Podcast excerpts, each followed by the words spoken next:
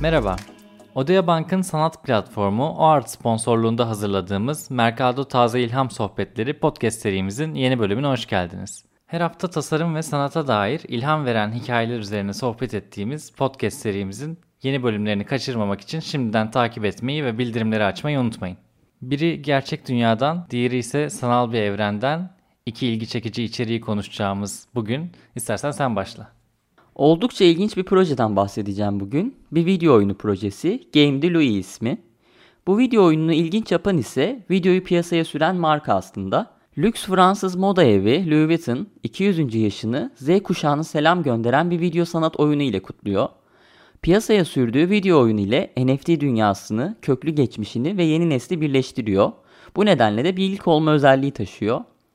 Pandemi sonrası dijital dönüşümü ayak uydurduğunu da yarattığı paralel evrenle lüks sektördeki rakiplerine göstermiş oldu bir bakıma. Oyun endüstrisi 3 milyar oyuncuyla 180 milyar dolar değerinde çok büyük bir pazar.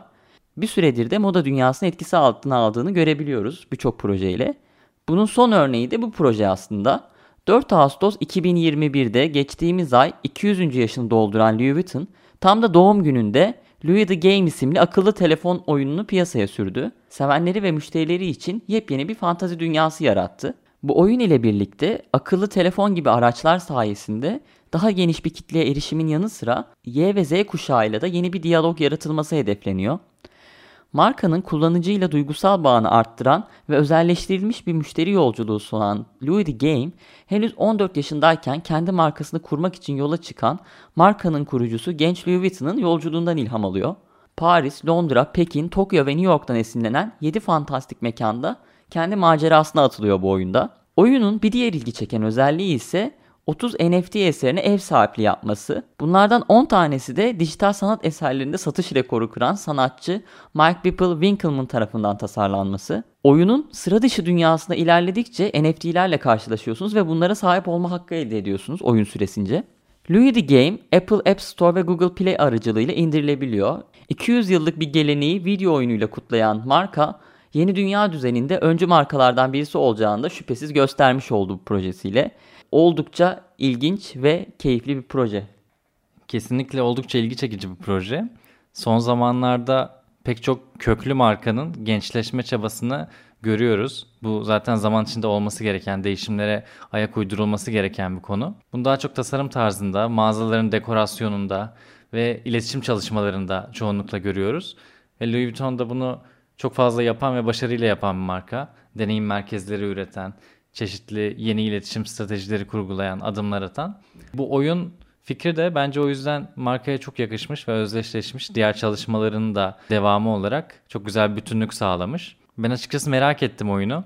Görselleri de çok çekici. Hem yarattığı görsel dünya hem onun içinde bulunan NFT'ler çok heyecan verici.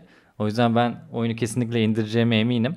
Siz de oyunu indirebilirsiniz. İndirmeseniz de mutlaka sizin için bir link hazırlıyoruz biliyorsunuz. Spotify mobilden dinliyorsanız açıklamalar kısmında bulabiliyorsunuz linki. O linke tıklayıp oyunun görselliğine, bu görsel dünyaya mutlaka göz atın. Louis the Game'in ilk haberini okuduğumda Frame'den okumuştum. Editör şöyle bir not düşmüş Louis Vuitton için. Geleneklerine bağlı ancak gelenekçi olmayan bir marka diye. Gerçekten son dönemde yaptıkları e, deneyim merkezleri olsun. Artık biliyorsunuz fiziksel mağazalarını deneyim merkezi olarak kurguluyor. Uzak doğudaki fiziksel mağazalarıyla başladı. İnanılmaz bir dönüşüm geçirdi Louis Vuitton'un mağazaları. Bu nedenle de yeni dönemdeki bu dönüşüme, deneyim odaklı, dijital odaklı dönüşüme en çok ayak uyduran markalardan birisi. O halde Louis Vuitton'un yarattığı bu fantezi dünyasından biraz da günümüz gerçeklerine, fiziksel dünyaya dönelim. Senin konu dinleyelim istersen. Bugün çıkan son tasarımdan ziyade sürecine odaklanacağımız bir konu seçtim. Çelik üretiminde geliştirilen yeni ve çevreye etkisi daha düşük bir teknikten bahsedeceğim. Sürdürülebilirliği sıkça konuştuğumuz günümüzde tasarımda kullanılan malzemelerin nasıl üretildiğine de bakmamız gerekiyor çünkü. Biliyorsunuz arabalardan beyaz eşyalara, yapılardan gemilere hayatımızın her alanında kullanılan bir malzeme çelik ve aslında demir elementinden üretilen bir alaşım. Demirin dayanıklılığını arttırmak ve paslanmaz özelliği kazandırmak için çelik üretilirken demir elementine karbon ekleniyor. Karbon der demez de aklımıza artık karbon ayak izi geliyor biliyorsunuz. Bu ayak izini azaltmak için bir İsveçli çelik üreticisi, yine bir İsveçli madenci ve İsveç hükümeti bir araya gelip bahsedeceğim yeni bir teknik geliştirmişler. Bu teknikten bahsetmeden önce farkı anlayabilmemiz için geleneksel çelik üretiminden biraz bahsetmem gerekiyor. Çelik 1860 yılından beri endüstride kullanılıyor ve son yüzyılda dünyada pek çok şey değişirken çeliğin üretim tekniği neredeyse hiç değişmemiş. Çeliğin oluşması için demire karbon eklenmesi gerektiğinden bahsettim. 1860'tan beri karbon kaynağı olarak kömür kullanılıyor bu işlemde. Kömürün karbon sağlamak dışında iki işlevi daha var. Bunlardan biri demirin erimesi için gereken yüksek ısıyı yanarak sağlayabilmesi. Diğeri de demirin madeninin saflaşması için onu oksijeninden ayırmak. Yani sadece kömür kullanarak demiri çeliğe dönüştürmenin yanı sıra bu iki işlem de gerçekleştirebildiğinden dolayı yıllarca bu şekilde üretilmiş çelik. Ancak demirden ayrılan oksijen kömürün karbonu ile birleşip karbondioksit oluşturuyor ve bundan dolayı da çevreye büyük bir zarar veriyor. Bu tüm dünyadaki karbon salınımının %8'inin çelik üretimi sırasında ortaya çıktığı anlamına geliyor.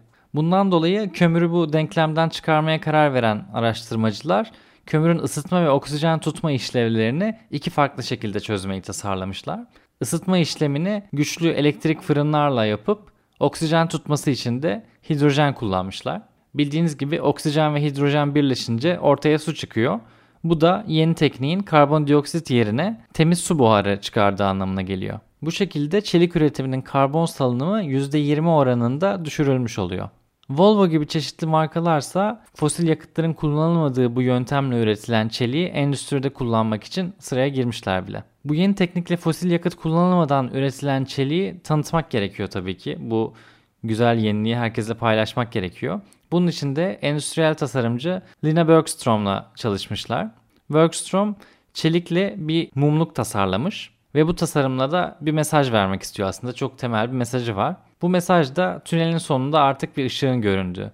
Umut içeriyor yani. Tabi bu çelikle ilgili yeni gelişme umut veren bir gelişme olsa da çelik üretimi hala çok fazla enerji gerektiriyor ısınmasından dolayı ve yeşil olarak tanımlamak için daha önünde uzun bir yol var. Ancak böyle gelişmelerin yaşanması da tabii ki umut verici ve şevklendirici diye düşünüyorum. Hazır sen konu üzerine değinmişken bizim de biliyorsunuz yılda 3 kez olmak üzere basılı edisyonlarımız çıkıyor ve yeni sayıyı Eylül ayında çıkarıyoruz. Sürdürülebilir Zihin isminde. Tasarımda ve sanat dünyasında aslında sürdürülebilirliği 360 ele aldığımız bir sayı. Alternatif tasarım materyalleri üzerinde de oldukça kapsamlı bir içeriğe yer verdik bu sayımızda. Sürdürülebilirlik adına yapılacak olan birçok projede de işte rüzgar tribünleri olsun, işte santraller olsun vesaire çok ciddi miktarda çelik, alüminyum gibi materyaller kullanılıyor ve bu nedenle aslında bizim bu materyalleri üretim e, şeklimizi, biçimimizi değiştirmemiz gerekiyor, alternatifler üretmemiz gerekiyor. Bu ona çok güzel bir örnek olmuş. Volvo gibi büyük markalar talepte bulunur ki bunun da üretim şekli değişir. Bunun için de tabii ki talep önemli bir etmen oluyor. Kesinlikle yaratıcı. Bu arada şey de çok yaratıcı. Hani bunu e, tanıtımı için bir tasarımcı ile çalışılması ve buna özel bir mumluk tasarlanması da e, ilgi çekici olmuş ki bize kadar ulaştı ve bunu hani bugün konu edinip konuşabiliyoruz. Evet Tuna yaptığın hatırlatma da çok yerinde oldu. Bu konu ve bunun gibi sürdürülebilirliğe dair konular ilginizi çekiyorsa tasarım ve sanattaki yeni sayımız mutlaka çok ilginizi çekecektir. Eylül ayından itibaren satışta olacak bizim web sitemizde studiomercado.com'da. Bunun dışında da Vakkorama, Minoa, seçkin kitap evleri ve müze mağazalarında da fiziksel olarak satışta olacak. Bunu da bu şekilde hatırlattıktan sonra bugünkü bölümün de sonuna geldik. Odea Bank'ın sanat platformu OART sponsorluğunda hazırladığımız Mercado Taze İlham Sohbetleri podcast serimizin yeni bölümünde görüşene kadar kendinize iyi bakın.